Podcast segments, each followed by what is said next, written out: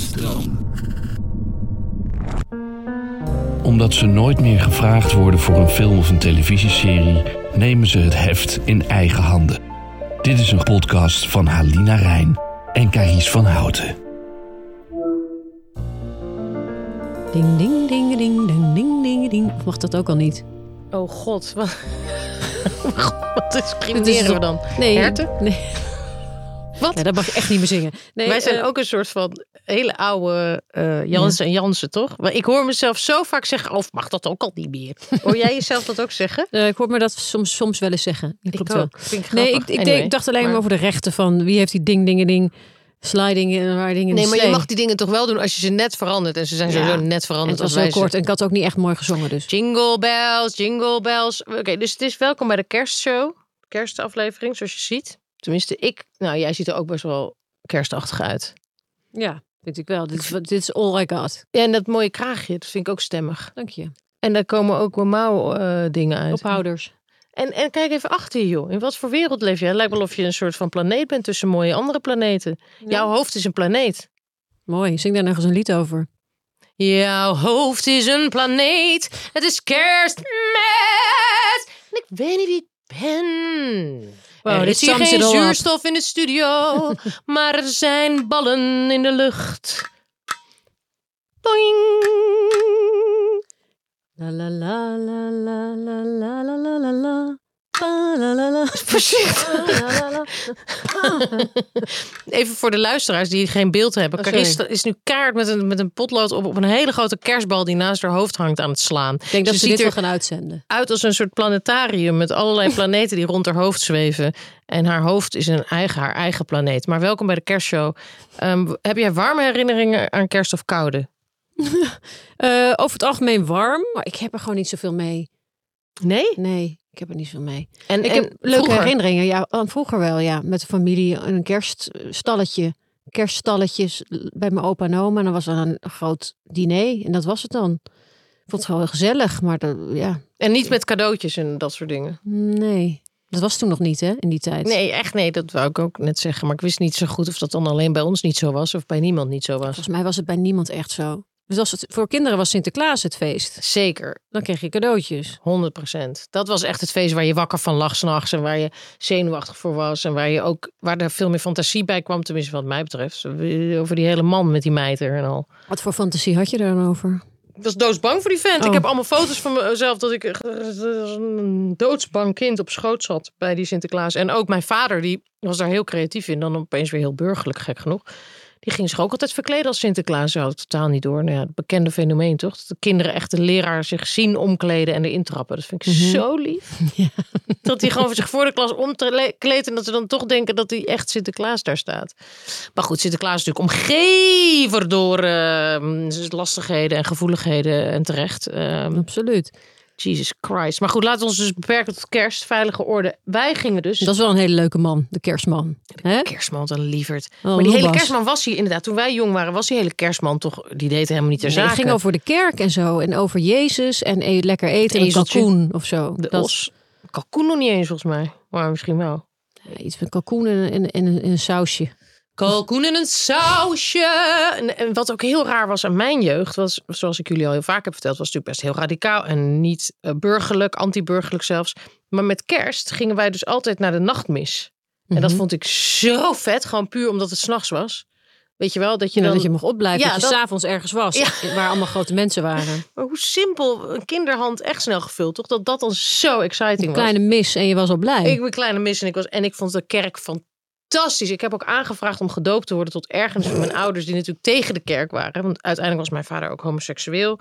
En die was helemaal, helemaal niet voor de kerk. Maar ik, die paar keer per jaar dat we daar dus heen gingen, misschien zelfs wel één keer per jaar met kerst, die sprak zo tot mijn verbeelding. Die katholieke kerk met al dat gedoe. Het is toch best wel theatraal allemaal. en ik dacht, dit zeker. En toen ben ik om mijn twaalfde alsnog gedoopt. In een doopje. Echt? Ja. En eerste communie gedaan. sorry, maar jij zegt dat je mij niet kent. Ja, het is grappig. Ik, heb, ik zal hier Is ook wat foto's voor van verhaal? online plaatsen. Maar ja, en wa- en wat, hoe, hoe ging dat dan? Nou, gewoon al door maar smeken, smeken, smeken of wij gedoopt konden worden. Want En wij, die doping zelf bedoel ik. ja, echt in een hele mooie jurk die mijn moeder had genaaid. En eh, ja, gewoon werd ik gedoopt. Ik weet ook niet. Dat was gewoon... Maar eh, dat, dan ben je best wel persistent geweest voor, voor mensen die zeg maar helemaal niet...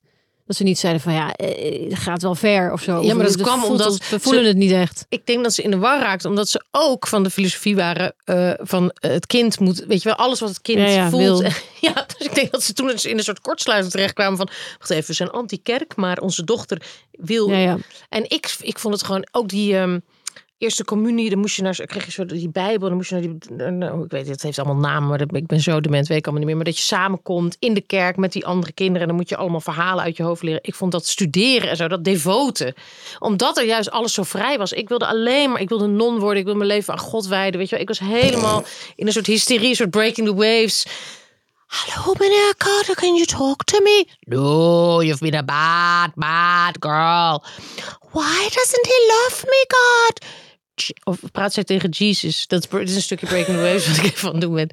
No, you're a bad, you're a bad, bad girl. But Jesus, please save me.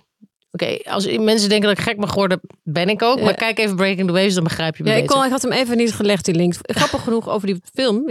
Ja, even snel een kort tussenstukje. Ik vond die film toen ik voor de eerst in de bioscoop zag, vond het echt vreselijk. Oh ja, dat En toen weet de tweede keer dat ik hem zag, vond ik het briljant. Ja, maar dat raar. snap ik wel. Ik had dat dus omgekeerd met Dancer in the Dark. Dat vond ik Oh, echt, kon ik niet te kijken. werd ik ook heel agressief van. Ik weet, ik was met een groepje er naartoe en ik dacht, wat, wat zitten jullie hier nou van te genieten? Ik vind dit walgelijk. En toen de tweede keer dacht ik, oh ja, tuurlijk. Of zo, omdat het ook zo herkenbaar is. En zo, maar dat heb je met Breaking the Waves toch ook. Dat is toch ook weer zo'n vrouw die zich Ja, volledig uitlevert. Maar ik zat toen in de eerste date met iemand daarnaar te kijken. Ik kon daar op, dat moment niet echt... eh, Leuke, leuke romantische komedie om met z'n tweeën naartoe te gaan. Heerlijk. Maar ik vond kerst wel altijd... Want mijn moeder die ging dan altijd het verhaal voorlezen van het ezeltje en something. Moet ik even opzoeken hoe dat heet. ezeltje. Ja, dat is zo'n bekend, heel lief boek. Maar in het begin vond ik dat alles fantastisch, want ik zat er gewoon helemaal in. Maar dat wilden ze elke kerst opnieuw voorlezen. En ik weet nog wel dat dat soms ook wel tot drama's leidde.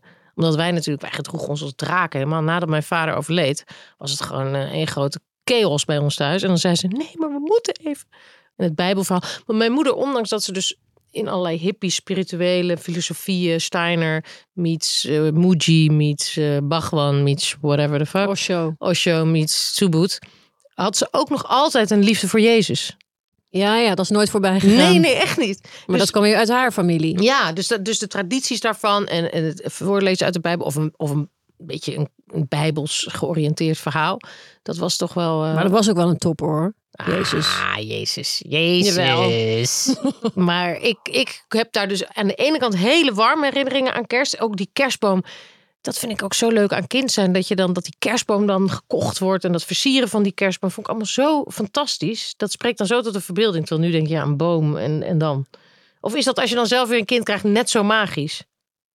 Dat is wel leuk, ja. Maar, eh, maar ook weer niet. Want die denkt ook, wat, wat haal ik hier nou in huis eigenlijk? En, en wat is dit voor raar gedoe? Met al die naalden. Met al die naalden of, of, of ja, die zit ook eigenlijk wel allemaal goed en oké. En Maar je ziet, een kind vindt het wel echt leuk. Echt leuk, die tradities. Want ik weet, en mijn vader moest dan op een klein laddertje om die piek erin te doen. En hoe groter die boom was, hoe blijer ik werd. Ik niet. En die kransjes die erin hingen, waar je niet Ja, aan mocht komen. dingen, ja. Zo spannend. En bij ons thuis natuurlijk, ook echte kaarsjes. Doe dit alsjeblieft niet thuis. Maar allemaal, ik vond het ook allemaal gevaarlijk en spannend. En, en een adventkalender, had jij dat ook? Nee, dat had ik niet. Dus dan, dan leefden we er helemaal naartoe. Ik weet het begon Zit daar chocolaatjes in? Bij ons niet natuurlijk. Zaten Daar zijn mooie spreuken in. gierste ballen. Zat achter die luikjes kleine gierse Ja, korrels. muesli. Als je geluk had. Muesli van de Albert Heijn als je geluk had. Waarschijnlijk van de wiershoek. Winkel de wiershoek. Maar iemand op blote voeten. Winkel de die heette zo. De wiershoek. of Michael. Dat was? M-A-I-K-E-L. Dat was toen een soort chain van biologisch dynamische winkels. Een soort met van volle de, maan de, de gevochten. Ecoplaza, maar dan van, Ecoplaza van de jaren zeventig. jaren. Nee, maar die adventkalenders, dat weet ik nog wel, dat ik dat dus zo spannend vond. Terwijl het is letterlijk inderdaad een luikje. In ons geval zat er ook niks achter wat je open doet. En dan langzaam die weg naar die kerst toe. Ik wil wat, dat, ik, ik zou daar wel naar terug willen. Maar ik wil niet terug naar, oh, zit er een slang onder mijn bed, een geraamte in mijn kast. Dat soort angsten, want die had ik ook. Maar ik bedoel, ik wil wel terug naar die kindertijd. Jij niet? Dat dat maar, Nee, dat, dat gevoel. onschuldige gewoon. Ja. En dat die, dat die kleine dingen je hele wereld beheersen. Ja. Die, rituelen. En Ik vind het fantastisch. Ik heb wel één eh, kerstdiner meegemaakt. Toen had ik een nieuwe vriend. En, eh, en die, wilde, die, dat, ja, die was uitgenodigd voor het grote kerstdiner. En Hoe oud hebben we het nu over? Hoe oud je toen was? toen was ik eh 23 of zo, denk ik. Zoiets. En toen ehm, ontstond er een ruzie. Maar echt zo'n klassieke familieruzie.